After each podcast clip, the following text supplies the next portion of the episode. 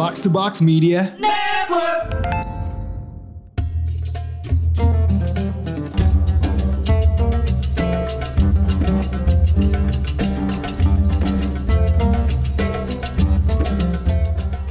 Assalamualaikum warahmatullahi wabarakatuh. Konnichiwa, konbawa, kondakwa. Kembali lagi dalam rangkaian kultum edisi Wibu bersama Otaku Box. Bagaimana ibadah puasa kalian? Tidak terasa kita sudah sampai di pertengahan bulan Ramadan.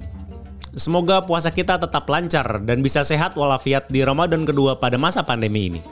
Sebab menjaga kesehatan diri dan keluarga kita di tengah pandemi juga termasuk ibadah dan ibadahnya orang yang berpuasa itu nilainya dilipat gandakan. Di bulan Ramadan, kita mungkin berusaha keras untuk memperbaiki kesehatan rohani kita dengan cara beribadah. Tapi selain itu, ada baiknya kita juga turut menjaga kesehatan jasmani. Sebab hal ini sangat dianjurkan di dalam Islam. Nabi Muhammad SAW dalam berbagai riwayat disebutkan sebagai sosok yang tangguh dan selalu menjaga kebugaran dengan melatih fisiknya. Umumnya kita mendengar tiga olahraga favorit Rasulullah, yaitu berenang, memanah, dan berkuda. Tapi tidak ada salahnya jika kita memilih untuk melakukan olahraga yang lain, misalnya olahraga voli. Rasulullah memang tidak secara langsung mencontohkan bermain voli. Permainan voli itu saja baru ada pada akhir abad 19. Tapi kita bisa belajar banyak dari olahraga ini, termasuk dari mereka yang memainkannya di Prefektur Miyagi. Jamaah wibu sekalian, Sebagaimana wilayah Jepang yang pembinaan olahraganya berjalan dengan baik, di Miyagi kita juga akan menemukan persaingan ketat di kompetisi voli sejak usia dini. Mereka berjuang untuk dapat mengikuti kompetisi level nasional. Madrasah Karasuno telah lama tidak menjejakkan kakinya di turnamen tingkat nasional. Mereka kehilangan tajinya setelah pelatih legendaris Ukai memutuskan untuk pensiun. Harapan akan kembalinya masa keemasan Karasuno muncul saat ada dua anak baru, yaitu Soyo Hinata dan Tobio Kageyama. Masalahnya, Hinata dan Kageyama lebih dulu punya persaingan tersendiri. Tatkala masih berada di level Madrasah Sanawiyah, Hinata tergabung dalam Yuki Gaoka dan Kageyama membela Kitagawa Daichi. Hinata pada saat itu sesumbar suatu saat akan mengalahkan Kageyama. Namun, takdir Allah malah mempertemukan keduanya di level Madrasah Aliyah.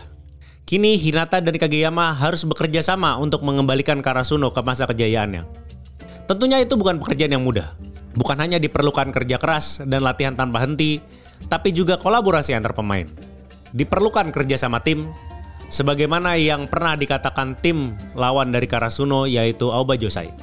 Para pemain Aoba Josai mengamalkan apa yang dikatakan Hajime Iwaizumi kepada Toru Ohikawa, bahwa tim dengan enam pemain yang lebih baik itu yang lebih kuat. Mereka bermain dengan kekompakan luar biasa sampai bisa mengalahkan lawan-lawannya yang mungkin dikenal lebih tangguh. Seperti Dateko yang terkenal akan tembok pertahanannya. Persoalan kerja sama tim ini mengingatkan saya dengan dua riwayat hadis dari Imam Bukhari mengenai persaudaraan dan persatuan orang-orang mukmin. Hadis pertama berbunyi, perumpamaan orang-orang yang beriman dalam hal saling mengasihi, mencintai, dan menyayangi bagaikan satu tubuh. Apabila ada salah satu anggota tubuh yang sakit, maka seluruh tubuhnya akan turut merasakan sakit. Dari hadis yang juga diriwayatkan Imam Bukhari, Nabi Muhammad SAW bersabda, Sesungguhnya orang mukmin yang satu dengan yang lain seperti bangunan, yang sebagian menguatkan sebagian yang lain. Dua hadis tersebut menyebutkan pentingnya persaudaraan atau uhuwah di antara sesama orang beriman. Begitu pula yang terjadi di Haikyuu. Sikap uhuwah ini ditunjukkan ketika mereka bermain. Tidak hanya Oba Josai, perlahan tapi pasti Karasuno mulai menunjukkan kerjasama dan kolaborasi yang serupa. Bukan cuma enam pemain yang di lapangan, tapi para pemain cadangan juga ikut turut serta. Mereka mampu menggantikan peran satu sama lain, seperti misalnya ketika sang kapten Daichi Sawamura atau Kei Sukishima mengalami cedera. Itulah contoh kekuatan uhuah di dalam Haikyuu. Karasuno memang tidak selalu meraih kemenangan. Dalam uji coba di Tokyo misalnya, mereka terus-menerus kalah, tapi dari kekalahan itulah mereka dapat memetik hikmah. Begitu pula dalam laga resmi ketika menghadapi lawan-lawan yang kuat dan tangguh. Karasuno memang kesulitan, tapi mereka mendapat pelajaran baru yang membantu memudahkan mereka di laga-laga berikutnya. Meski berat atau bahkan sesekali mengalami kegagalan, kesulitan yang kita alami akan menjadi pelajaran yang berharga. Sebagaimana firman Allah yang ditegaskan dua kali dalam surat Al-Insyirah. Inna ma'al usri yusro fa'in namal usri yusro. Karena sesungguhnya sesudah kesulitan itu datang kemudahan. Sebagaimana anak sekolah, kemudahan dalam bermain voli tentunya juga harus diiringi dengan lancarnya prestasi akademis. Selain memastikan bola tak jatuh di wilayahnya, memastikan tidak mendapat nilai jelek dalam ujian juga adalah tanggung jawab para pemain Karasuno.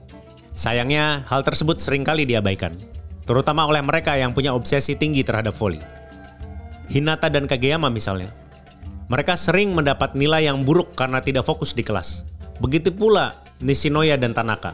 Padahal keseimbangan antara voli dan nilai pelajaran merupakan hal yang penting, seumpama perintah Allah untuk menjaga keseimbangan antara dunia dan akhirat. Dalam surat Al-Qasas ayat 77, Allah berfirman, Dan carilah negeri akhirat dengan apa yang telah dianugerahkan Allah kepadamu. Tetapi janganlah kamu melupakan bagianmu di dunia. Dunia dan akhirat, voli dan pendidikan haruslah berjalan seiring.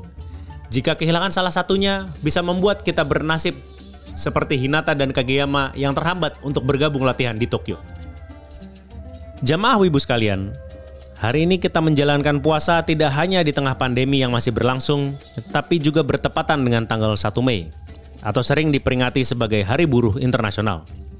Sesungguhnya ajaran Islam dan anime Haikyuu telah memperlihatkan bagaimana menghargai jerih payah kelas pekerja merupakan hal yang penting. Dalam kisahnya, Haikyuu menceritakan tokoh-tokoh yang bekerja keras bukan cuma untuk voli, tapi juga untuk menyambung hidupnya. Misalnya Keishin Ukai, cucu dari pelatih legendaris Ukai. Selain melatih Karasuno, dia turut menyambung hidup dengan menjaga tokonya. Dari kegiatan yang menjalankan pekerjaan itu, Keishin jadi mengenal para rekan kerja seprofesi dan yang berbeda profesi. Mereka turut membentuk klub voli yang menggembleng dan bertanding melawan anak-anak Madrasah Karasuno. Dalam kisah Haikyuu kita juga akan menemui tokoh Itetsu Takeda yang menjadi guru dan penasehat tim voli Karasuno. Satu yang kita tidak temui adalah peristiwa semacam Takeda Sensei atau Ukai-kun mengalami penunggakan gaji. Jadi saya berpesan kepada Bung atau Nona pengusaha, tunaikanlah gaji karyawan Anda dengan layak dan tanpa ditunda-tunda. Sebagaimana hadis riwayat Ibnu Majah dari Abdullah bin Umar, Rasulullah SAW bersabda, bayarlah upah pekerja sebelum keringatnya mengering.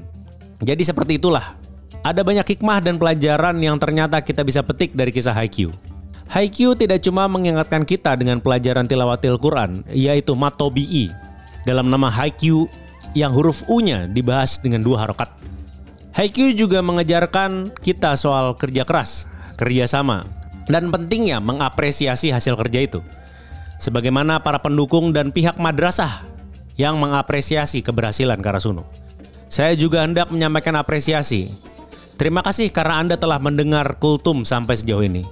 Nantikan Kultum edisi Wibu berikutnya.